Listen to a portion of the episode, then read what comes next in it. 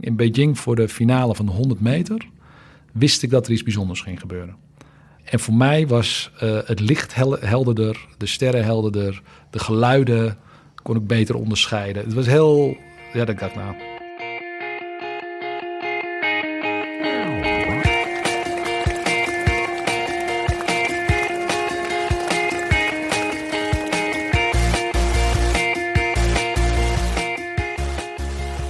Welkom bij de 19e aflevering van Suzy Q&A, de podcast over hardlopen, training en wedstrijden. Ik ben Oliver Heimel, hoofdredacteur van Runnersworld. En naast mij hier op Papendal zitten topatleten Susan Crummins en Bart Benema. Uh, coach van topatleten als Di Martina, Nadine Visser en Daphne Schippers. Welkom. Suzanne, eerst even over jou. Want uh, ik zag jou uh, op social media zomaar opduiken in München. Ja, klopt. Even, even een weekje weg. Want misschien moet ik nog even terug naar oh. jouw column van volgende week. Oké. Daarin, uh, voor de luisteraars die niet helemaal bijgepraat zijn, vertel jij over een uh, vrij specifiek probleem. Ja, over Piet. Precies. Zal ik een stukje lezen? Doen alsof er niks aan de hand is. Daar ben ik goed in.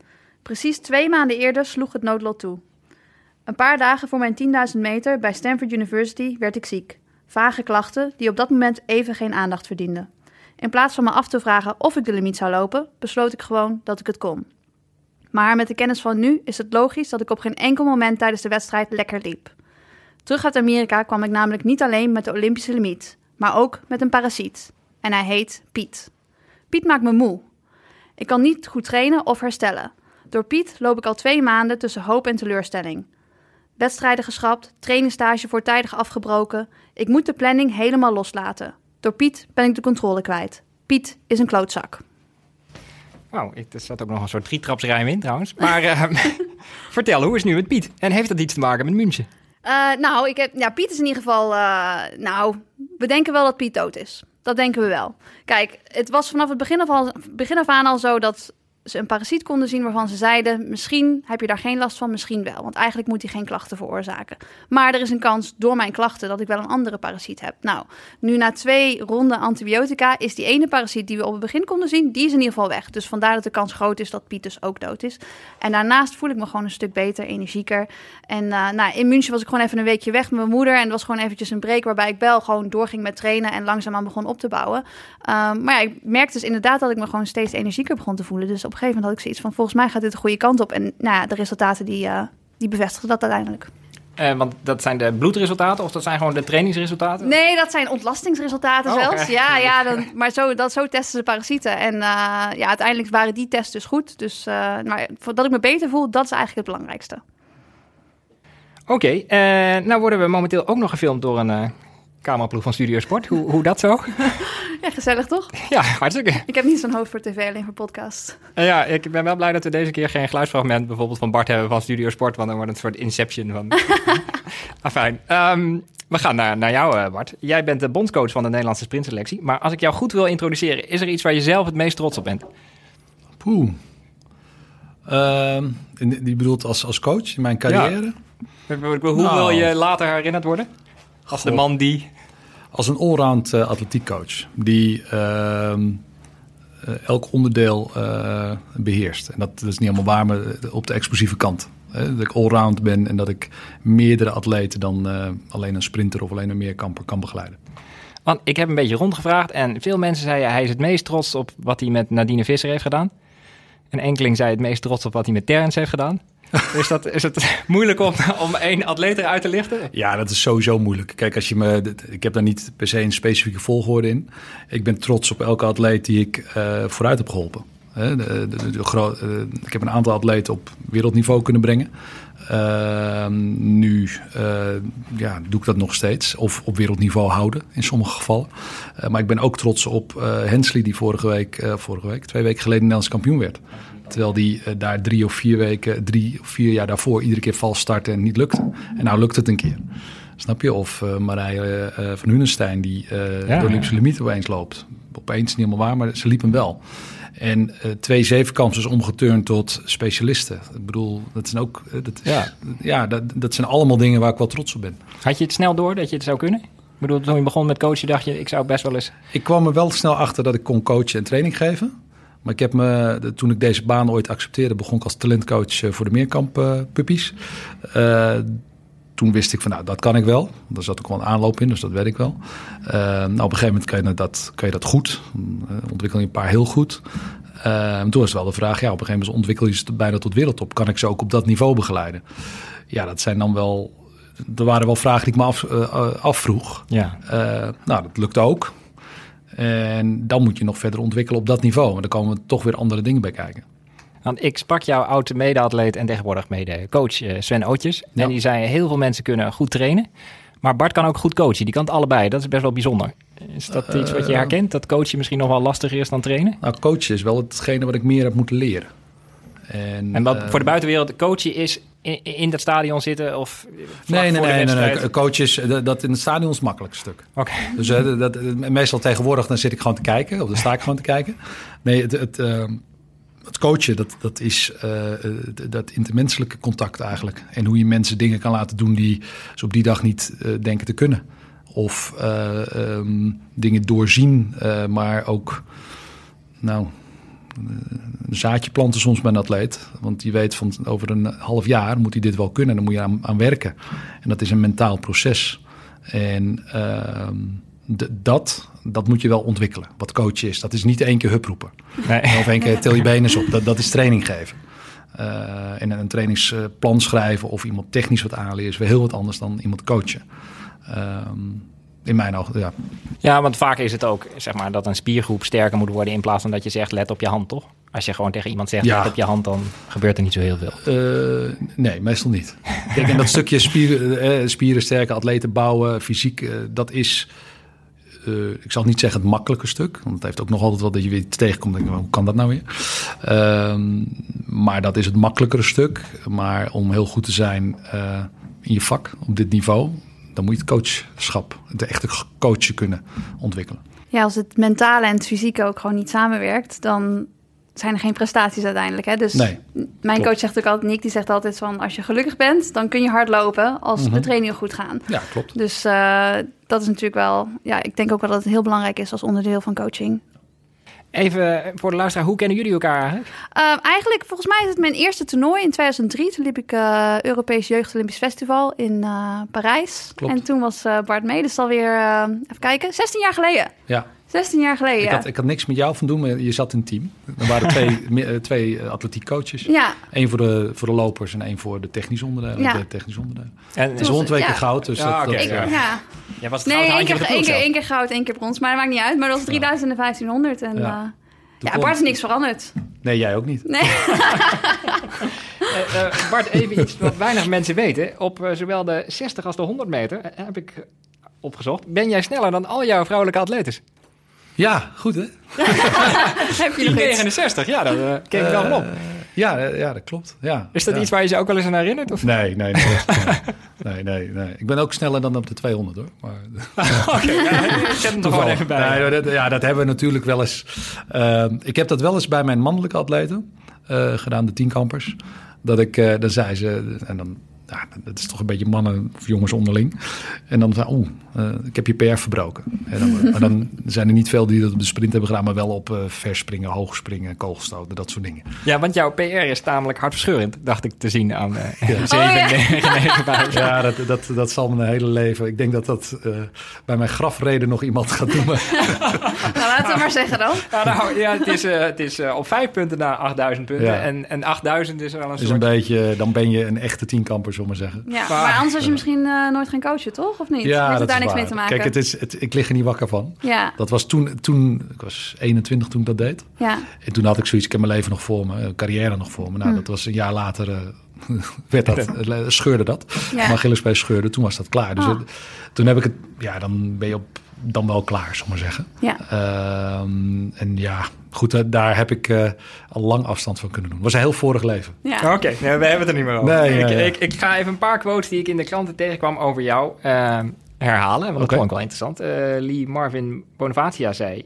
eh, oh nee, daar zei jij over. Die heb ik heel anders moeten leren om met zijn energie om te gaan. Ehm, nou, ik heb geprobeerd hem dat te leren. Inmiddels is hij, eh, is hij naar een andere coach moet gaan. Ehm, Lee deed alles op emotie. Oké. Dus als, dan, dan is het soms raak, maar meestal niet. Hè? En, uh, dus hij kon op sommige momenten kon hij echt boven zichzelf uitstijgen. Uh, maar ik wil een, een, een, als je een stabiel prestatiepatroon wil, ja. uh, over het algemeen, ja, dan, dan moet je wel ja, je moet een raceplan hebben, je moet een plan hebben in je warming-up, uh, in je planning. En niet, niet maar lukraak wat toevallig bij elkaar uh, schieten, zullen we zeggen in zijn geval. Dus dat, dat heb ik geprobeerd, ja. En dat is ten dele gelukt, soms wel, soms niet. En uh, Jamil Samuel, dat was vorig jaar een enorm succesverhaal eigenlijk. Ja. Jarenlang op een, op een redelijk internationaal niveau. En vorig jaar onder jou is, is er echt weer een stap gemaakt. En die mm -hmm. zegt, en het zijn echt hele mooie woorden lijkt me... Hij kijkt naar me, luistert naar me, weet alles wat ik nodig heb. Uh, zonder dat ik ergens over ben begonnen. Hij weet hoe mijn lijf werkt en hoe jij moet communiceren. Ik heb dat nodig. Uh, nou, dat is een mooi compliment. Uh, jij zei in datzelfde interview: Ik heb vooral iets moeten doen aan het einde van haar bocht. Want daar raakte ze een beetje afgeleid. Hoe, ja, de, Jamil, is, Jamil is zeer talentvol. Eh, maar hij heeft eigenlijk altijd op de talent alles kunnen doen. Um, en die heeft niet, uh, laten we zeggen, die is snel afgeleid. Dus die had zo af en toe na 50 meter, ja, dan loop ik die bocht door. Dus die had helemaal niet uh, een idee wat ze daar moest doen. Uh, en ik heb haar handvaten gegeven om dat beter uit te voeren. En toen ze dat door begon te krijgen, toen ging ze ook steeds sneller lopen, zullen maar zeggen. Want zij was al jong de grote concurrent van Daphne. Ja. Jij was de coach van Daphne. Ja. Is het dan zo dat als je haar zag lopen, dat je al dacht, oh, Ah, vast soms wel eens. Maar ik, ik ben, moet ik zeggen, ik ben zo gefocust op mijn eigen uh, mensen. Dat ik uh, uh, op dat moment helemaal niet bezig ben met anderen in wedstrijden. Ik ben ook helemaal niet. want ik ken, ik ken vaak een programma van mensen niet. Dus ik heb er wel eens een idee over. Maar het is niet dat ik dat al helemaal in mijn hoofd klaar had van, oh, dat gaan we dan zo doen of zo. Of dat zou zo moeten. Ja, want ik las ook dat je bijvoorbeeld over Daphne, die is nu bij je teruggekeerd dit jaar, um, bij NK Indoor of bij het EK Indoor zei... ik zag haar oude techniek en de nieuwe techniek een beetje door elkaar heen. Ja. Uh, daar kan ik me voorstellen dat je bij Suzanne ziet op een 10 kilometer. Maar dat met Schippers loopt 60 meter. Dat is voor mij ja. voorbij in een paar seconden. Is dat iets... Kijk je even nee. de beelden? Of ja, is dat, het... dat sowieso. Oh, okay. lang, leven, lang leven de telefoons en zo. Mark van Maart. Vroeger had je zo'n camera nodig. Nee, ja, ja, ja. Nee, dat is... Uh, en je oefent je oog daarmee. Dus het is ook... Hè, je, uh, ik oefen veel, je, dat oefen je door de jaren heen. Je ziet zo vaak zo'n beweging. En soms moet je weer even oude beelden erbij pakken. Om toch te zeggen, hoe was dat? Want toen was het goed. En waarom dan? En dan als je dat dan weer vergelijkt. En soms is dat, uh, kunnen dat andere dingen zijn. Ze was sterker op dat moment. Of uh, lichter. Of ze, we deden dat meer. Weet je, het is toch dat samenspel van alles. Maar dat kan ik, ik kan dat wel zien, ja. Maar en, en, en is het een puzzel? Is het iets waar je ja, s'avonds van ja. wakker schrikken? Dat je ja, maar, denkt, oh, die teen moet net iets hoger. Uh, nou, dat, dat, die teen dan weer net niet. Ik schrik ook niet wakker. Soms kom ik wel tot hele intelligente dingen als ik bijna in slaap val of als ik net wakker word. Dat hebben wel meer mensen, denk ik. Um, of aan het einde van mijn vakantie als ik uitgerust ben.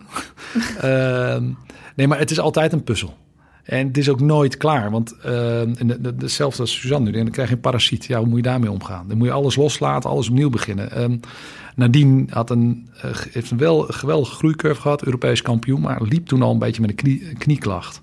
Ja, daar hebben we de tijd gegeven, hebben we gerevalideerd. Zijn op stage gegaan, lijkt allemaal goed te gaan, maar ja, bakte er niks van in het begin van het seizoen.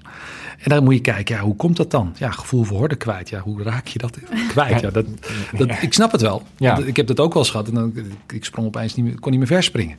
Ja, dan moet je gaan zoeken naar manieren om dat... Uh, blijkbaar cognitief gaat er dan iets door een revalidatieproces. Is even anders. En dan gaat in je hoofd zitten en dat is lastig. Ja, dan moet je de tijd nemen om dat weer terug te krijgen. En dat is altijd bij iedereen blijft dat puzzelen. Het is nooit van, we eindigen hier... Volgend jaar beginnen we daar weer. Dat zou mooi zijn. Ja. Maar dan, dan, dan zou ze wel 29 minuten lopen inmiddels. Ja. ja 10 kilometer. Wat is het zo dat je bij een 10 kilometer loper ook dingen zou kunnen zien om het net weer wat beter te maken? Vast. Hmm. Vast. Ja, er is een heel, uh, heel onderzoek gedaan toch naar alle beelden, volgens mij van uh, Londen, van het WK. En daarin zijn verschillende lopers inderdaad helemaal okay, geanalyseerd. Ja, en klopt. bijvoorbeeld ook van mijn race, ik weet niet of het mijn, mijn vijf of mijn tien was, ik geloof mijn tien.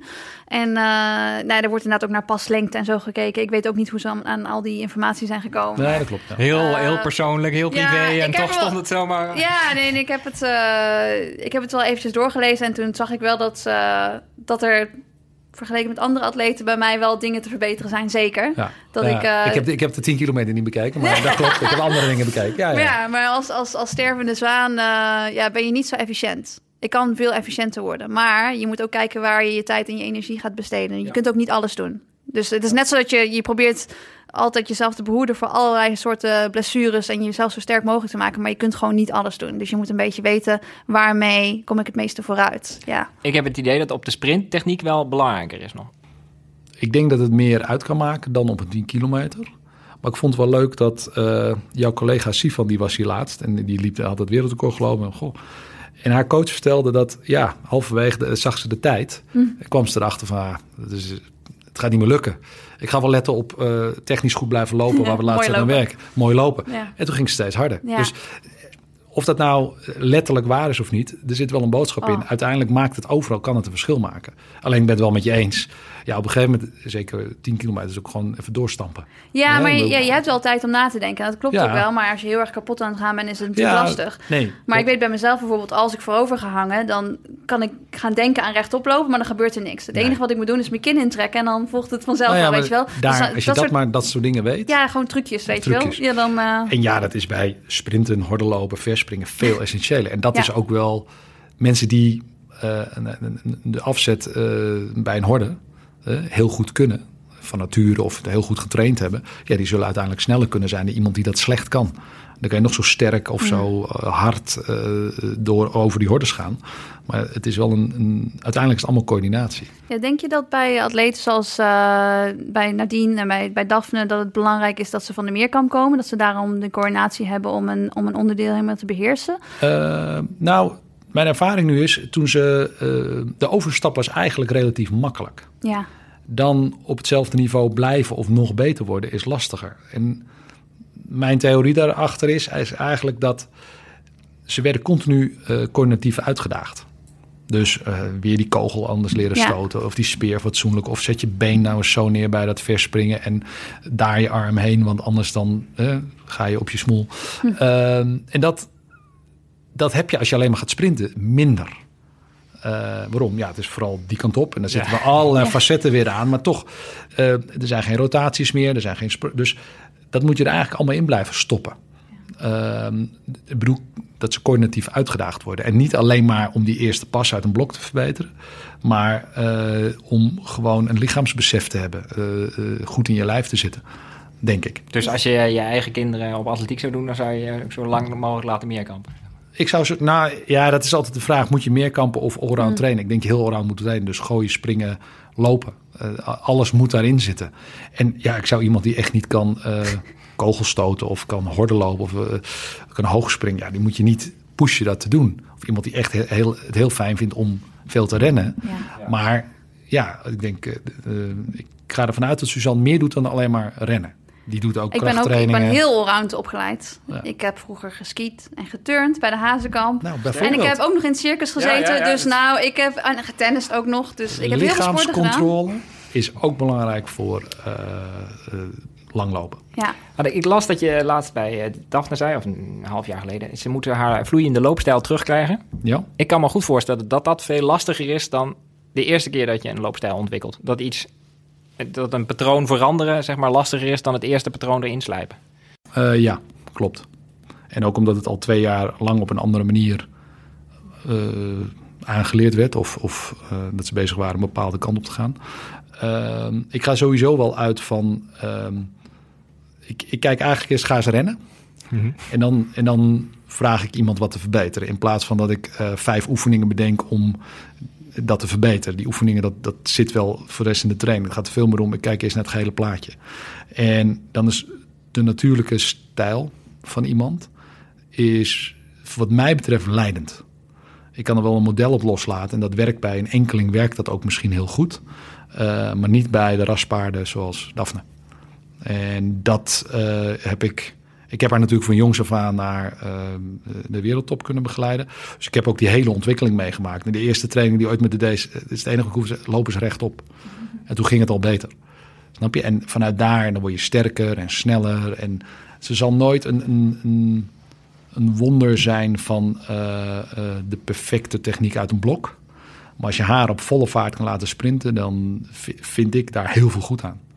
En dan kan je weer zeggen, van, ja, dat is niet het model zoals de frontside mechanics van de, eh, zoals dat Ja. ja, het worst wezen als het maar hard gaat. Want ik, eh, ik zit natuurlijk op een heel ander niveau. Maar ik heb veel trainers gehad die dan iemand uit de groep iets voor lieten doen. Want je moet zo lopen. En zo. Doe je dat nog op topniveau? Ja. Ja, want uh, soms... Uh, kijk, ze kunnen allemaal oefeningen uh, vrij goed. Ja. en dan zit het vaak in wat voor ritme ze voeren. en dat laat ik wel... Kijk nou even, dat, dan laat ik dat even iemand voordoen. Of ik zeg van jullie doen, jullie doen het op die manier, jullie doen het op die manier, maar ik wil deze manier. Kijk, ja. Ik, ja, maar dat is, ook, dat is ook een beetje de sfeer in een trainingsgroep. Soms ook een beetje. Uh, en men dingen duidelijk maken. Het, het helpt voor hun, dat is beeldend. Uh, het kunnen metaforen zijn voor hun, maar dat is toch helder. Ja, want nog één vraag over de trainingsgroep. Het lijkt mij best lastig. Jij hebt natuurlijk, uh, vorig jaar had je een eigen groep en er kwam een andere groep bij. Toen had je opeens heel veel atleten. En ik kan me voorstellen dat het ook een beetje was dat je de coach van Ajax en van Feyenoord werd. Nou ja, dat, dat zie je toch verkeerd. Uh, okay. Ja, er waren twee sprintgroepen ontstaan. Uh, dat uh, kwam gewoon, ja. En ik had een beetje gemixt groep. Want ik had meer kamp en Nadine die schoof door naar de horde. Dus dat was allemaal een beetje divers. Uh, uiteindelijk is daar uh, gezegd, nou, we maken daar een 100 meter, een 400 meter groep van. hordenlopen, de korte hordenlopers horen ook bij mij. Dat is nooit mijn groep trouwens. Dat is een groep die ik train namens okay. de ja? Dus dat is... Nee, ik heb nooit gevoeld van... Oh, nu komen de concurrenten binnen. Dat waren gewoon atleten die op Papendal in een programma zaten. Toevallig met een andere coach op dat moment. Maar je dacht ook niet... we moeten naar Noorwegen om met z'n allen een berg te beklimmen... voor, voor nee. een nieuw groepsgevoel? Of, of nee, dat daar, zo heel belangrijk. kijk, dat heeft wel effect gehad. Want ik had een bepaalde sfeer en een mix van mensen in mijn groep. Ja, dat wordt wel... Uh, de omstandigheden. Uh, uh, en, en ik denk ook wel verstandig uit elkaar getrokken. En dat heeft de een wat meer moeite mee gehad dan de ander. Uh, maar uiteindelijk is dit een werkbare situatie ook voor mij. En was ook. Uh, ik, ik, had nooit alles kunnen doen. Uh, en ik kan me nu wel in ieder geval focussen. In plaats van dat ik nog vijf andere programma's in de gaten moet houden. Ja, want ik weet niet. Ik denk niet dat jij heel veel begeleiding nodig hebt naast de trainingen. Nee, dat klopt. Ja, met lange afstandlopers is het natuurlijk sowieso wat minder. En ik, ja Nick zit vaak natuurlijk in Australië, hij zit vaak in Londen, dus ik zie hem ook niet zo vaak. Dus hij coacht vaak op afstand. Maar als hij er dan bij is en bij een training, dan zorgt hij er wel voor dat hij bij hele belangrijke trainingen erbij is. Dus dan heb je wel echt dat effect van: oké, okay, mijn coach is er vandaag ja. bij, dus dit moet echt een goede training worden. Dus dat is op zich wel altijd fijn in aanloop naar een toernooi, dat ik hem dan wat vaker zie en dat, dat, dat hij er dan dus is. Dus um, hij vindt dat ook wel belangrijk. Hij zegt wel van. Hij wil ook niet te veel tijd doorbrengen met zijn atleten. Want uiteindelijk moet een coach ook niet de beste vriend zijn van een atleet. En ik heb het ook wel eens in een boek gelezen van... ja, als, als je te veel tijd doorbrengt met je coach... dan kun je, kun je je coach gaan zien als een goede vriend of, uh, of je oudere broer. En op een gegeven moment dan, uh, dan kan je oudere broer wel gaan zeggen... je moet dit en dit doen, maar dan ga je er niet meer naar luisteren. Dus uh, ik vond het wel een... een, een, een, ja, dat, dat idee, daar, daar kan ik me op zich wel in vinden. En, dus je nodigt niet uit op je verjaardag, maar wel op je bruiloft. Zo, is dat een beetje de... ja, ik hoef, ik hoef hem natuurlijk niet te vaak te zien. Maar als hij er is, dan is het wel, is het wel belangrijk dat hij er... ja, dat hij zich voor de volle 100% kan focussen. En hij heeft heel veel atleten, dus hij kan ook niet iedereen altijd zien. Dus dat verdeelt hij goed op die manier. Ben jij een oudere broer? ik denk dat ik dat ooit wel eens uh, voor uh, uh, een atleet geweest ben. Of tenminste dat dat een beetje ja. zo die verhouding was. Ja. En dat, dat leer je dan op een gegeven moment wel. Van dit is dus niet... De, een bepaalde afstand is goed. want we zijn, het moet een werkrelatie blijven. En ja, je moet de harde dingen, de moeilijke dingen ook kunnen zeggen. En dat is soms, komt dat van je broer of iemand die er dichtbij staat, soms niet lekker te lastig over. Ja. Snap je? Want is het wel zo dat ze je naast de training kunnen appen als ze met dingen zitten en zo? Of is het echt puur de training en dan gaat iedereen naar huis? Uh, ik, ik heb uh, vroeger, laat ik het zo zeggen, 2, 14, 15, 16, waar Daphne en ik echt veel, veel meer uh, zaten dichter op elkaar. dan gebeurde dat. Um, ik heb wel uh, na 2016 dus gehad, oké, dat, dat is wellicht wat te close. Uh, nou, toen stapte ze ook over uiteindelijk naar een andere coach. En voor mij is een bepaalde, heb ik wel besloten van oké, dat wil ik iets anders hebben. Dat, dat was gewoon gegroeid vanuit jongs ja. af aan. Met, en ik was ook een, ik groeide met haar op eigenlijk. Nou, daar probeer ik nu wel een, een grens in te bewaken. En uh, ja, ze kunnen wel appen, maar laten we even zeggen, laat dat even, uh, de, het gaat over de zaken, over, de, over, wat, over de sport. Ja. Um, dat is eigenlijk het grootste gedeelte. Ja, en ik probeer eraan te denken als iemand jarig is om te, te feliciteren. Snap je? Of als er iets bijzonders gebeurt, dat ik even iets laat weten. Of, en of als ze naar een wedstrijd gaan, laat ik ook altijd even weten. Of veel, veel succes en voor de kan ik ook niks doen. En eh, ik volg het.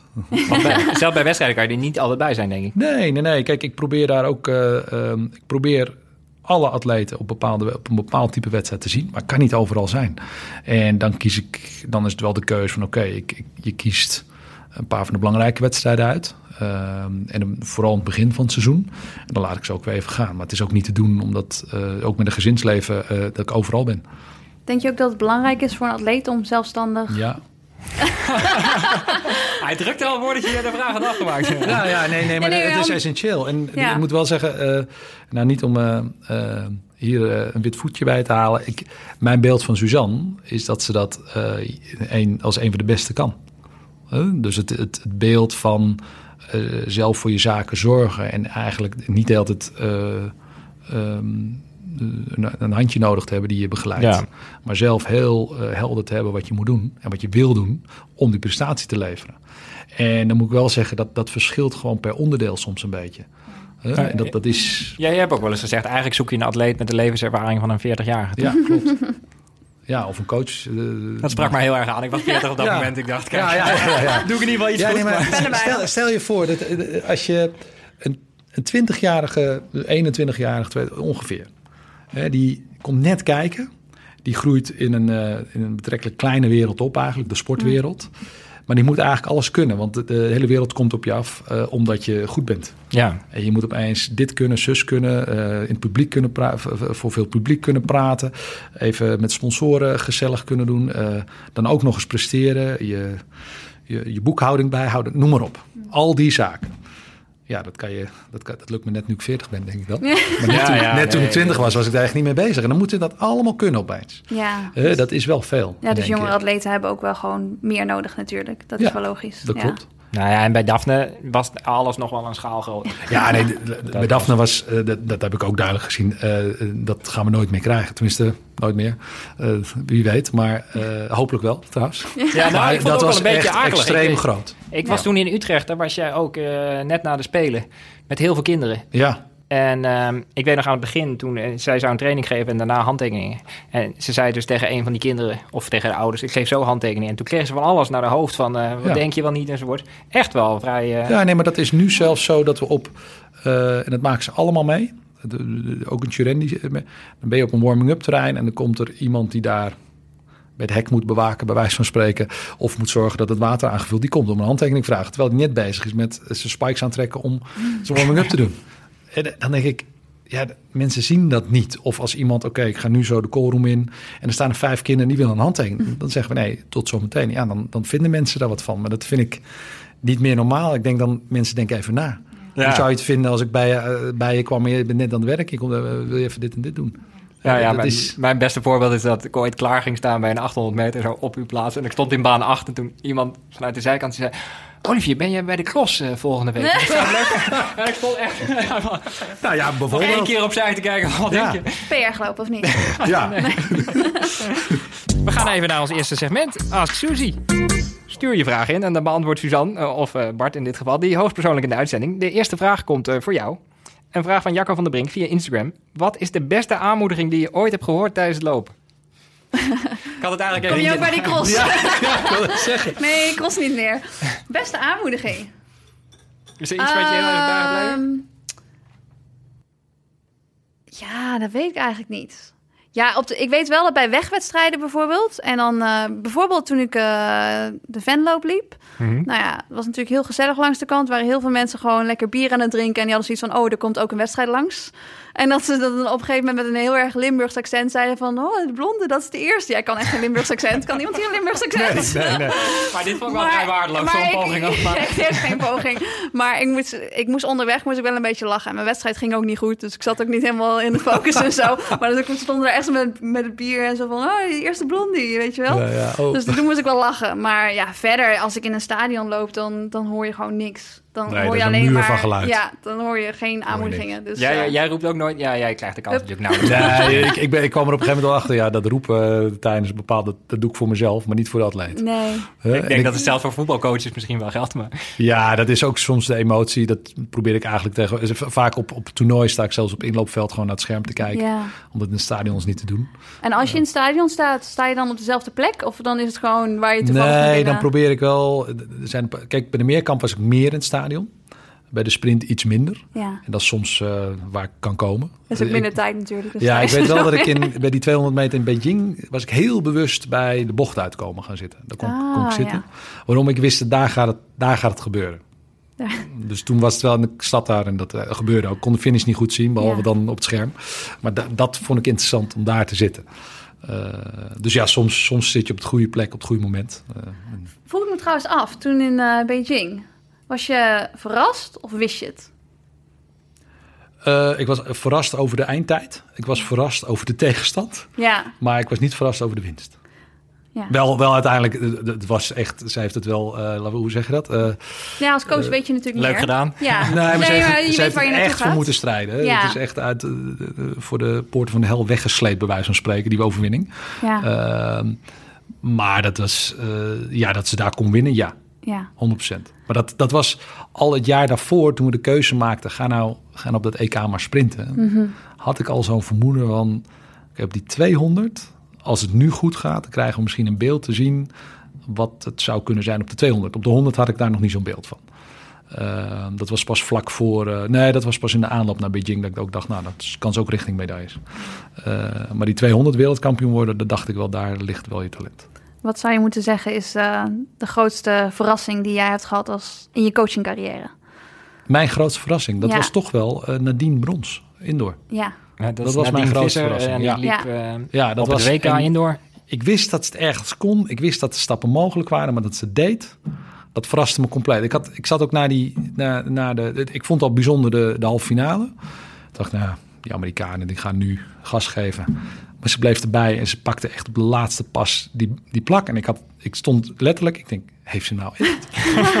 heeft ze nou medaille? en wat zei je toen tegen haar? Wat zei het eerste dat je tegen haar hebt gezegd? God, dat weet ik echt niet. Ik, denk echt zoiets als gefeliciteerd. En ik heb er een knuffel dit Ja, nou? ja, wat heb je dat nou gedaan? Maar echt, Je probeerde nog, ik zei het toch, maar... Ja. Ja, ja, dat was echt. eh, eh, dat was een van de grootste verrassingen. Want de, vraag die Sven Ootjes op, op, op mijn verzoek... Ja, eh, nee, deze vraag die sluit er heel mooi bij aan. Zijn, ik vroeg hem, dan heb je nog een leuke vraag voor Bart? En dat viel nog niet mee, want jullie kennen elkaar heel goed. De meeste brandende vragen had hij allemaal kunnen stellen. Ja. Maar ehm, hij vroeg zich af, hoe beleef jij de dag van een EK, WK of Olympische finale emotioneel? Ehm, dat is wel veranderd. Ehm, ik heb altijd een gezonde spanning, eh, want ik weet wat gaat komen. Maar ik, ook bewust, probeer ik vooral rust uit te stralen. Alsof het een, nou, niet een normale dag is. Maar dat we gewoon, we hebben een plan, dat voeren we uit. En ehm, dus dat is voor mij wel belangrijk. Dat als ik rustig ben, zal de atleet rustig zijn. Ja, stabiel. Stabiel. Goed, ja. En ik zal ook zorgen dat ik zoveel mogelijk op dezelfde plek ben, eh, op het inloopterrein.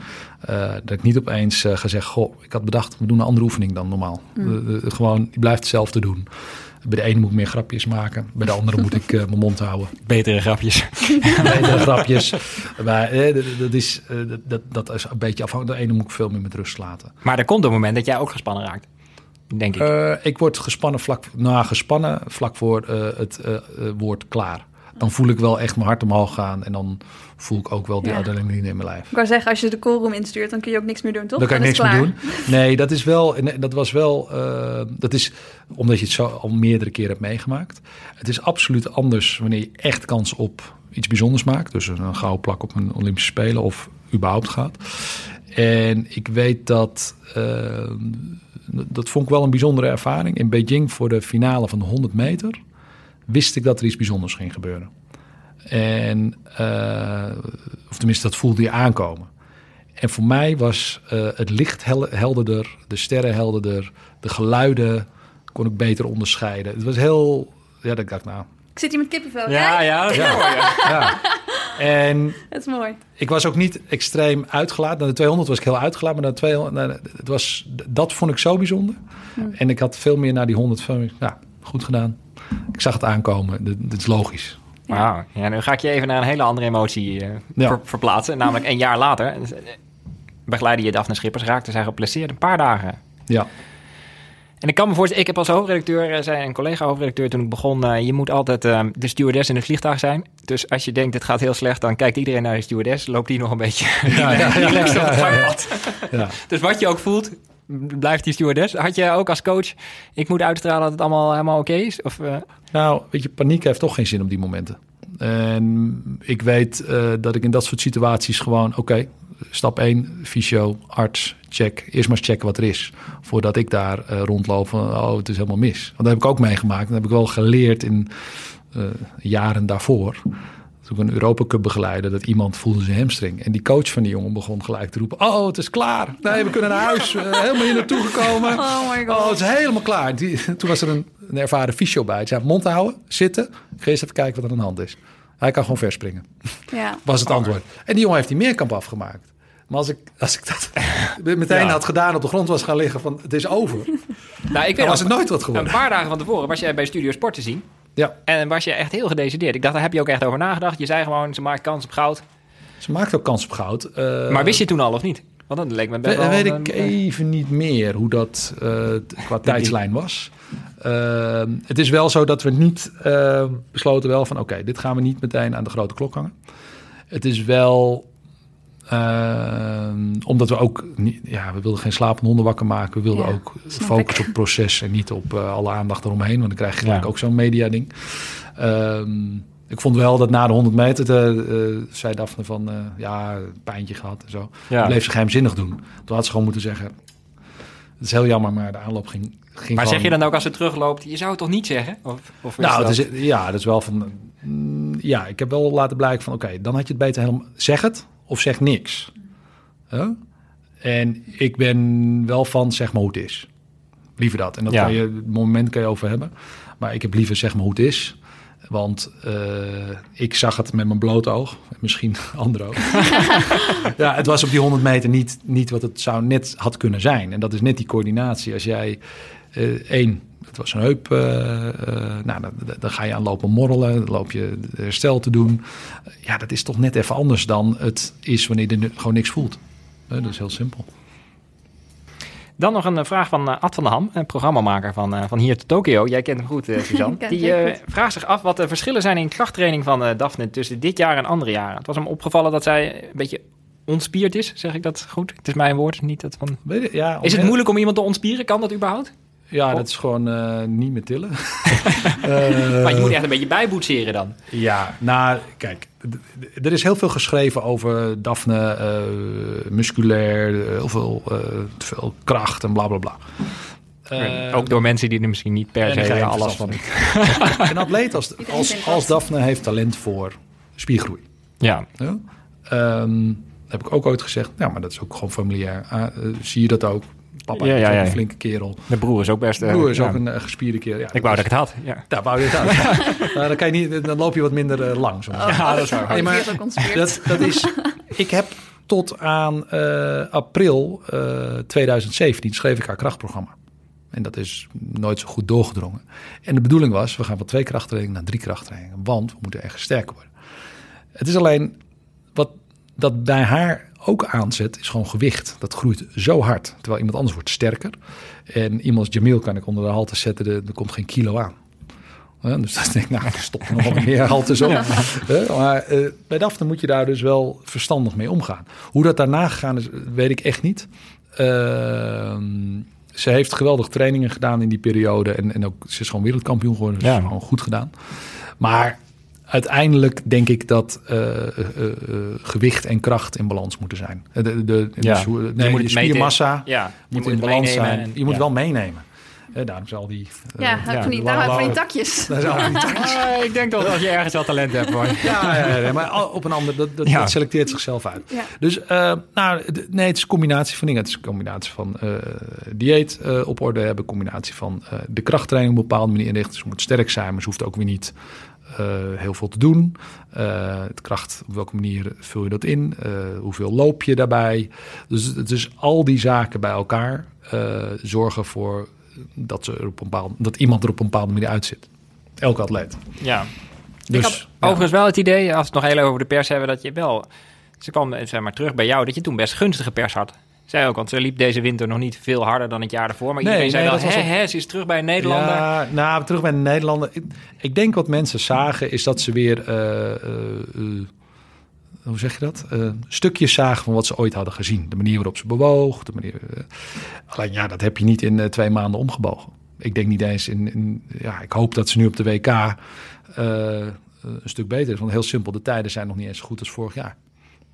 Nee, Dus het- moet nee maar er zit ook al een val van de trap tussen, toch? Ja, en, en twee maanden echt problemen met de rug, waarin we amper hebben kun, amper, getra- amper fatsoenlijk hebben getraind. We hebben getraind, je weet er alles van. Je traint wel, maar je kan Ja. niet doen wat je eigenlijk hoort te doen. Nee, stuck in second gear. Ja, Ja. behoorlijk. En, dan, en dan, dan loop je daarna ook een tijdje in second gear. Ja. Ja, dat is niet wat je wil. Ehm, dus dan probeer je toch te investeren in dingen waar je later wel wat aan hebt.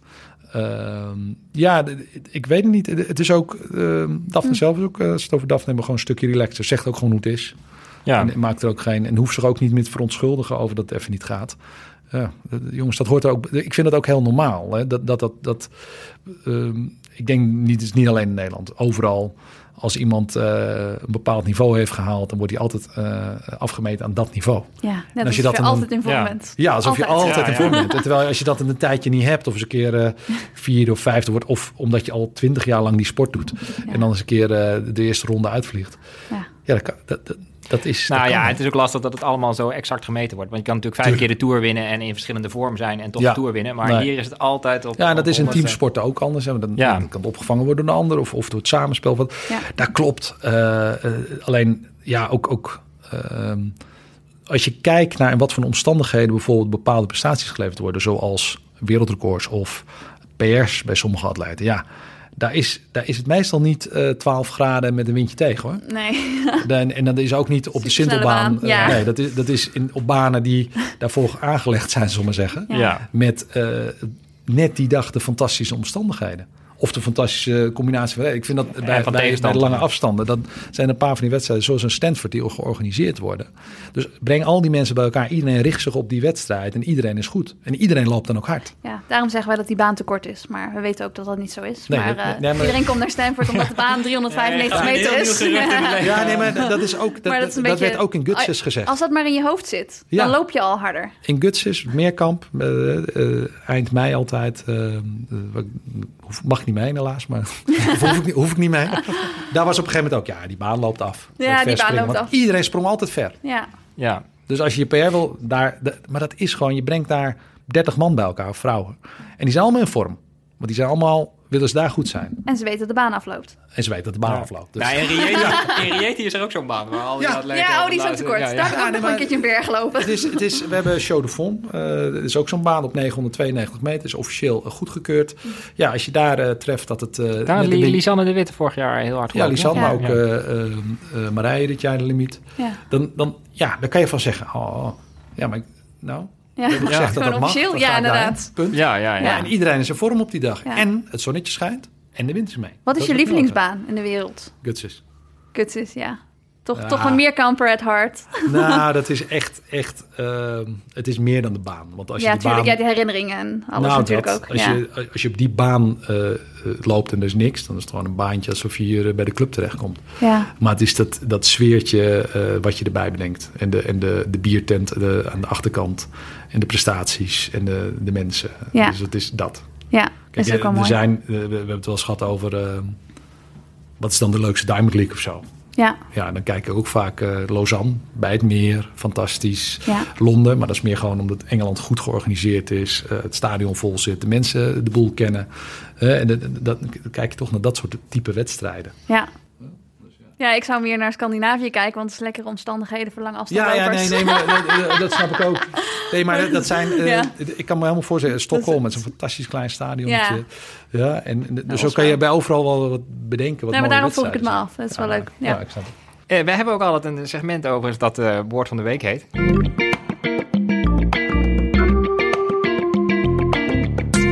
Jij bent ook de coach van uh, Turandi Martina. Ja. Dus ik dacht, laten we gewoon van Turandi het woord van de week maken. Want ik denk dat heel veel mensen benieuwd zijn. Is hij echt zo? Is hij echt zo blij? Zou natuurlijk jammer zijn als hij nu zijn. Hey, een enorme eh, mopperpot. Nee, nee, nee. Jurendi is eh, een van de meest positieve mensen die ik ken. Dus die, die titel heeft hij volgens mij dit jaar gewonnen. Ja. Absoluut waar. En, maar kijk, hij raakt ook geblesseerd. Dan is hij ook even niet te genieten. Want hij weet wat dat kost. Hij weet wat dat eh, betekent. Hij weet wat de consequentie daarvan is. Dat wil je niet als atleet. Want hij houdt te veel van het spelletje. Ook al weet hij ook dat hij wat ouder is. Eh, maar ik denk nog steeds dat hij eh, aardige tijden in maar het moet wel even op zijn plek vallen op de juiste dag. Met het goede weer, op de goede baan, op het juiste moment. En ja, dan, dan werkt zoiets niet. Dus ja, hij heeft ook wel zijn mindere dag. Maar het is nooit zo dat hij te positief is. Ehm, Dat jij moet zeggen, nou, je, jij vindt het nou een mooie prestatie, maar... Nee, nee, oh nee, hij is heel Nee. reëel. Nee, Ja. nee, nee. Dus hij kan heel goed inschatten van oké. eh, en hij bekijkt het ook van hoe was ik vorig jaar ten opzichte van welk type wedstrijd. Ehm, nee, dat, dat nee, hij is zeker niet eh, te positief. Maar hij is, hij is gewoon heel positief. Ik vind hem ook echt. Hij, hij klaagt ook wel over dingen. Hij zal ook balen. Ik begreep dat hij. eh, Of het weer en zo, toch? Ja, het weer. Het moet warm zijn. ja. Nee, hij zei, dan zegt hij, Bart. Bart, Bart, we Niet gaan... zo blij. Nee, niet zo blij, niet zo blij. Bart, we moeten nu naar binnen. Want, eh, ja, en het is... eh, hij heeft net eh, volgens mij vijf uur op een vliegveld moeten zitten voor, gisteren. Ja, daar is hij ook niet blij van. Nee. Maar dat, daar kan hij dan even... Daar stapt hij wel overheen. Daar gaat Ja. hij niet mee zitten. Of zo. Wat, eh, wat mij nog opvalt, eh, iedereen weet wie de coach van, eh, van Daphne is en ook van Durandi denk ik wel. Maar bijvoorbeeld ik weet niet wie de coach van Tom Dumoulin is of van Max Verstappen. Ja, maar, Is, oh. is dat Nee. terecht of is dat... Geen idee. maar hij is toch ook coach van het jaar geweest? Daarom weten we Ja. natuurlijk wie de coach, wie de Ja, coach ja, maar in sommige sporten draait het ook heel erg om de coach. Ja. Ja, dat- terwijl ik heb niet eens het gevoel. Ik heb dat bij voetbal veel meer. Ja, ja, daar draait het wel heel erg de coach coach, ja. en het Ja. team, dat, dat is belangrijk. Ehm, tenminste, de coach is daar, eh, staat vaak op de voorgrond. Ehm, ik heb niet het idee dat dat. Het, het is wel logisch, misschien. Ik weet niet. Ja, de, Dumoulin zit in een team. Wie Ja. is de coach van het team? Dat zal niet één iemand zijn. Nee, dat is dan een ploegleider. Misschien, die kennen ik heb geen idee. Ja. Misschien huurt hij iemand in voor de fysieke trainingen. Ik Ja. heb geen idee. Maar maar het woord voetbal is nou gevallen. Wij, toevallig in het komende nummer zegt Troy Douglas... als de Atletiekunie mij had gevraagd om Daphne Schippers te, te coachen... had ik geen moment getwijfeld. Hij coacht nu Ajax-spelers. Ja? Is dat iets wat jij ook zou kunnen? Zeg maar om Ajax er beter te laten lopen? Ja, ik denk wel. Ja, maar eh, ik weet ook dat dat niet even je atletiek dingetje doen is. Eh, dat is niet eventjes van, nou, eh, die is de training zoals ik altijd doe nu. Want het, is, het moet wel sportspecifiek zijn. Dus daar zou ik me wel in moeten verdiepen. En ik denk dat ik eh, beter kan beginnen bij... ik veel, Bennekom. FC Bennekom, eh, om daar eens wat ervaring op te doen... voordat ik Ja. roep dat ik Ajax zou... Ik, ik denk in de basis zou ik dat wel kunnen. Maar als jij een avondje onderuit gezakt voetbal zit te kijken... is dat dan ook iets dat je zegt... oh, zoals die zijn knieën optrekt, die linkerspits... dat kan echt niet? Of is het iets wat je helemaal loslaat? Nee, nee, nee, helemaal niet. Het, het is, eh, ik, ik, nou, laten we het even over eh, vrouwenvoetbal hebben. Dat, dat vond ik wel mooi. Ehm, geweldige prestatie. Ik vond het verschil tussen de Amerikanen en de, de Nederlanders, vond ik vooral het fysieke stuk. Ja? En dat was in loopvermogen, in gewoon fysieke mogelijkheden. Je zag ook in de tweede helft dat ze het echt zwaarder kregen. Ja, en ehm, ik heb geen idee van de achtergrond. Eh, maar dan denk ik wel, ik, weet, ik heb wel een idee van de achtergrond hoe die Amerikanen getraind zijn. Eh, op college en university. En ik weet hoe elke university of college, je hebt er gezeten, Gewoon hard. gewoon hard. Maar daar wordt fysiek, Ja. eh, fysiek getraind, punt. Ja. Allemaal. En het wordt explosief getraind. Dus het is atletiek, rugby, al die... Ja, iedereen loopt het krachtung binnen. Dat is doodnormaal. Dat is in, in de Nederlandse sport niet normaal. En ik denk dat we daar, eh, niet per se in voetbal, of, maar eh, ook in de atletiek, eh, soms ver achterlopen op wat er mogelijk is. Want hebben we daar in de afgelopen tien jaar wel een grote stappen in gemaakt? Ik denk dat het absoluut grote stap, maar ik denk nog steeds dat we op landen als, landen als Amerika achterlopen. Dat zit ook een beetje in de cultuur daar misschien, in de Maar en, eh, sportcultuur. faciliteiten Faciliteiten ook. ook. hè? Ja, ja, ja, ja. veel meer Kijk, de eh, eerste keer dat mijn, mijn, toen ik 15, 14 was, mijn trainer zei: Je moet naar een sportschool, je moet sterker worden. Nou, is goed. En die dacht: Ik stuur naar een sportschool, dan wordt hij daar wel begeleid. En ik had vijf oefeningen die ik moest doen en ik kwam daar binnen. Zei ze: Ja, is goed, daar is het rek, daar staan de haltes, succes. dus ik ben dat gaan doen met een, een vriend. En ik had geen idee, tot ik hier op Papendal een keer kwam op zo'n kamp. Toen ik jong was. En eh Charles van Commenay me iets zag doen. En die zei van, ben maar hier. Hier heb je een bezem. Je gaat het eerst goed leren doen. Ja, toen, toen pas leerde je. Het is niet gewichten tillen. Het is veel meer dan dat. En ehm, ik denk wel dat, eh, dat daar in de Nederlandse sport eh, breed nog steeds winst in, te, winst in te halen. Ja, want onze gemiddelde leeftijdster is, eh, geen luisteraar, is geen topsprinter, maar Nee. waarschijnlijk een recreant op de 10 kilometer, denk Ja. ik. Zou die ook al een stap kunnen maken? Is het een missing link voor heel veel mensen? Ik denk dat het. ehm, ik denk dat het voor iedereen goed is eh, om een vorm van. Ik noem het even krachttraining, maar dat mag ook yoga, mag ook eh, fi- fitness of weet ik veel. ja, gewoon een andere beweging dan een andere beweging dan shocken in het bos. Ja. Maar je zei shock in toch het bos, het, het Ja. hardlopen. Ja. Ja. Eh, voor mij is het shock in het bos. geloof ik. nee, Doe, maar, doe je het wel eens eigenlijk of niet? Ja, ja, ja. Daar, de laatste tijd weer wat Oh. minder, maar ik probeer het wel. Eh, ik, ik, ben, ik ga heel trots twee keer in de week naar de sportschool. Dat vind ik prettig. Dat moet ik zeggen, mijn vrouw zit daar wel achteraan. maar de- de- dat lukt beter als ik op stage ben en ik gewoon geen andere dingen hoef te doen. Ja, want je hoort vaak van personal coaches dat ze het heel moeilijk vinden om, om fit te blijven. Ja, maar ik- het is wel belangrijk. Als ik niet fit ben, ben ik ook niet fit in wat ik als coach. Eh, om, om mijn werk goed te doen. En zo'n toernooi, nou ja, eh, da- daar slaap je niet veel als coach.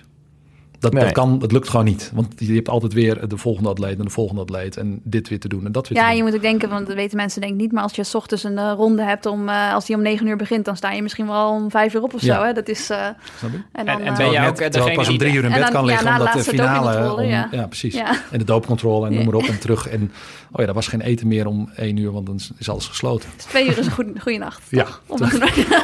Maar ben je in de sportschool ook degene die als Nadine zeg maar, die halter niet meer omhoog krijgt, die, die even vastpakt dan? Of, of Ook, wordt dat ja, dan... ja, ja, ook. Maar d- daar, dat, dat kunnen ze ook inmiddels zelf, maar zeggen. bij elkaar. Ja. Ja, nee, ik, ik probeer... Het is wel, als ik ergens eh, niet bij ben, is dat inmiddels de krachttraining. Dat komt puur door soms de planning op de dag of vergaderingen die ik ook moet doen. Eh, maar ik, dan heb ik er alle vertrouwen in dat, ik, dat, dat ze de krachttraining kunnen. Zeker alleen, dan ben ik liever bij de technische training. Ja, dan kan Of de loopsessies. En kom je ook nog steeds nieuwe krachtoefeningen tegen dat je denkt, hé, Ja, hey, hoor. vliegenwiel, hey. Uh, ja, en ik probeer daar ook wel gebruik van te maken. Uh, maar ik geloof wel, hou de dingen simpel. Uh, dat heel goed doen heeft meer zin dan allerlei technische snufjes en nieuwe oefeningen en nieuwe apparaten allemaal te doen. Gewoon eerst maar eens de basics heel goed doen. Ja, dat zegt Suzanne ook altijd tegen Ja. De- one percenters noem je one- dat, geloof ik. Ja, de 1% zijn juist wel details natuurlijk. Maar die moet je, je, je moet proberen alles zo goed mogelijk te doen. Maar de belangrijke dingen, daar moet je op focussen. En die moet je heel goed doen. Ja, en, en dat is... eh, is heel simpel, Je moet al die ja. dingen weten, soms ook omdat je soms alternatief moet. Ik kan me helemaal voorstellen dat... Je, je hebt regelmatig, of regelmatig, je hebt wel eens wat aan je voet gehad of zo. oh, regelmatig. regelmatig. Dan moet je even niet, niet of een. Achillespees, eh, allemaal afkloppen. Ja. Ja, dan moet je, al, dan moet je het zwembad in, moet je weten wat je in een zwembad kan doen, wat je in de krachtruimte kan doen, wat je met een ander apparaat kan doen. Daar moet je wel kennis van hebben. Hè? Uh, en dat, dat geldt ook voor sprinters. Want misschien kan ik uh, al een, een, een, sommigen die kunnen twee maanden lang niet uit een blok lopen. Ja, dan moet ik toch dingen bedenken dat ze dat gevoel van ritme houden. Van hoe moet dat dan? Hoe ziet dat eruit? Ja, dan probeer je dan toch dingen bij te bedenken.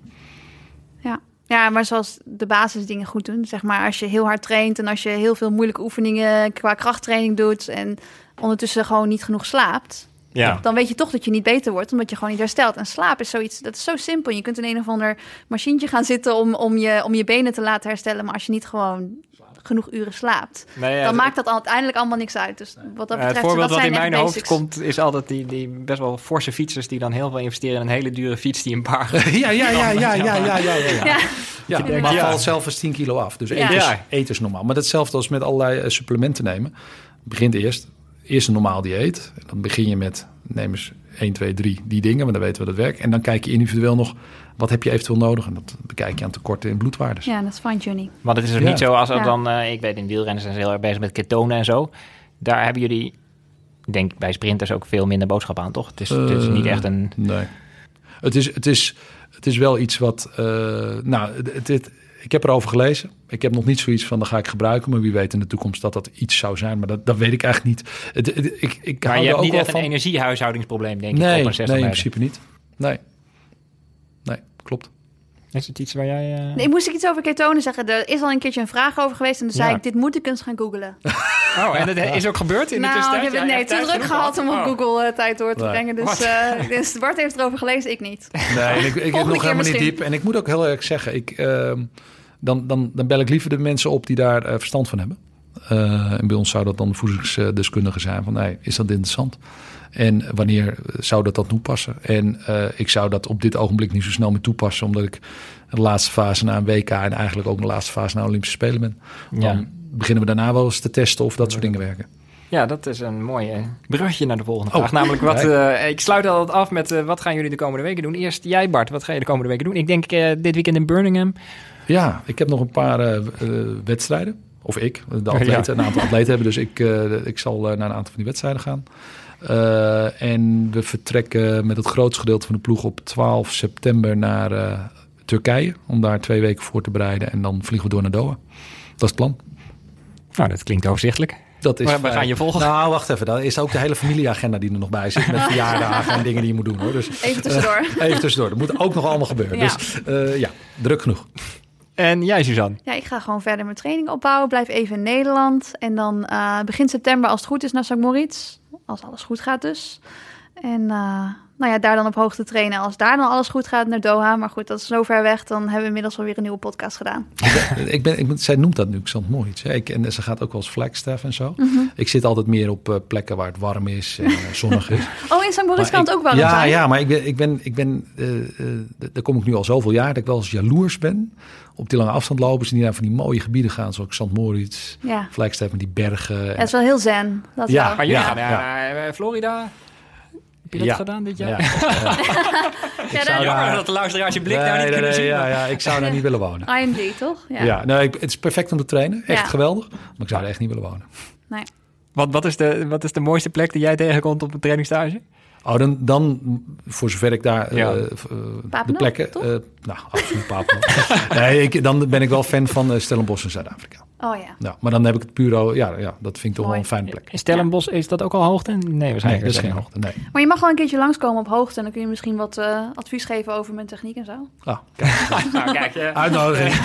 prachtige Op afsluiting. vakantie. Ik, eh, En zo zijn we helaas aan het einde gekomen van deze negentiende aflevering van Suzy Q&A. Eh, dank eh, Twan Mensink, onze technicus voor een dag van Dag en Nacht Media. En eh, dank Bart en Suzanne. En eh, voor het luisteren natuurlijk. Eh, ook namens Suzanne, blijf luisteren en lopen.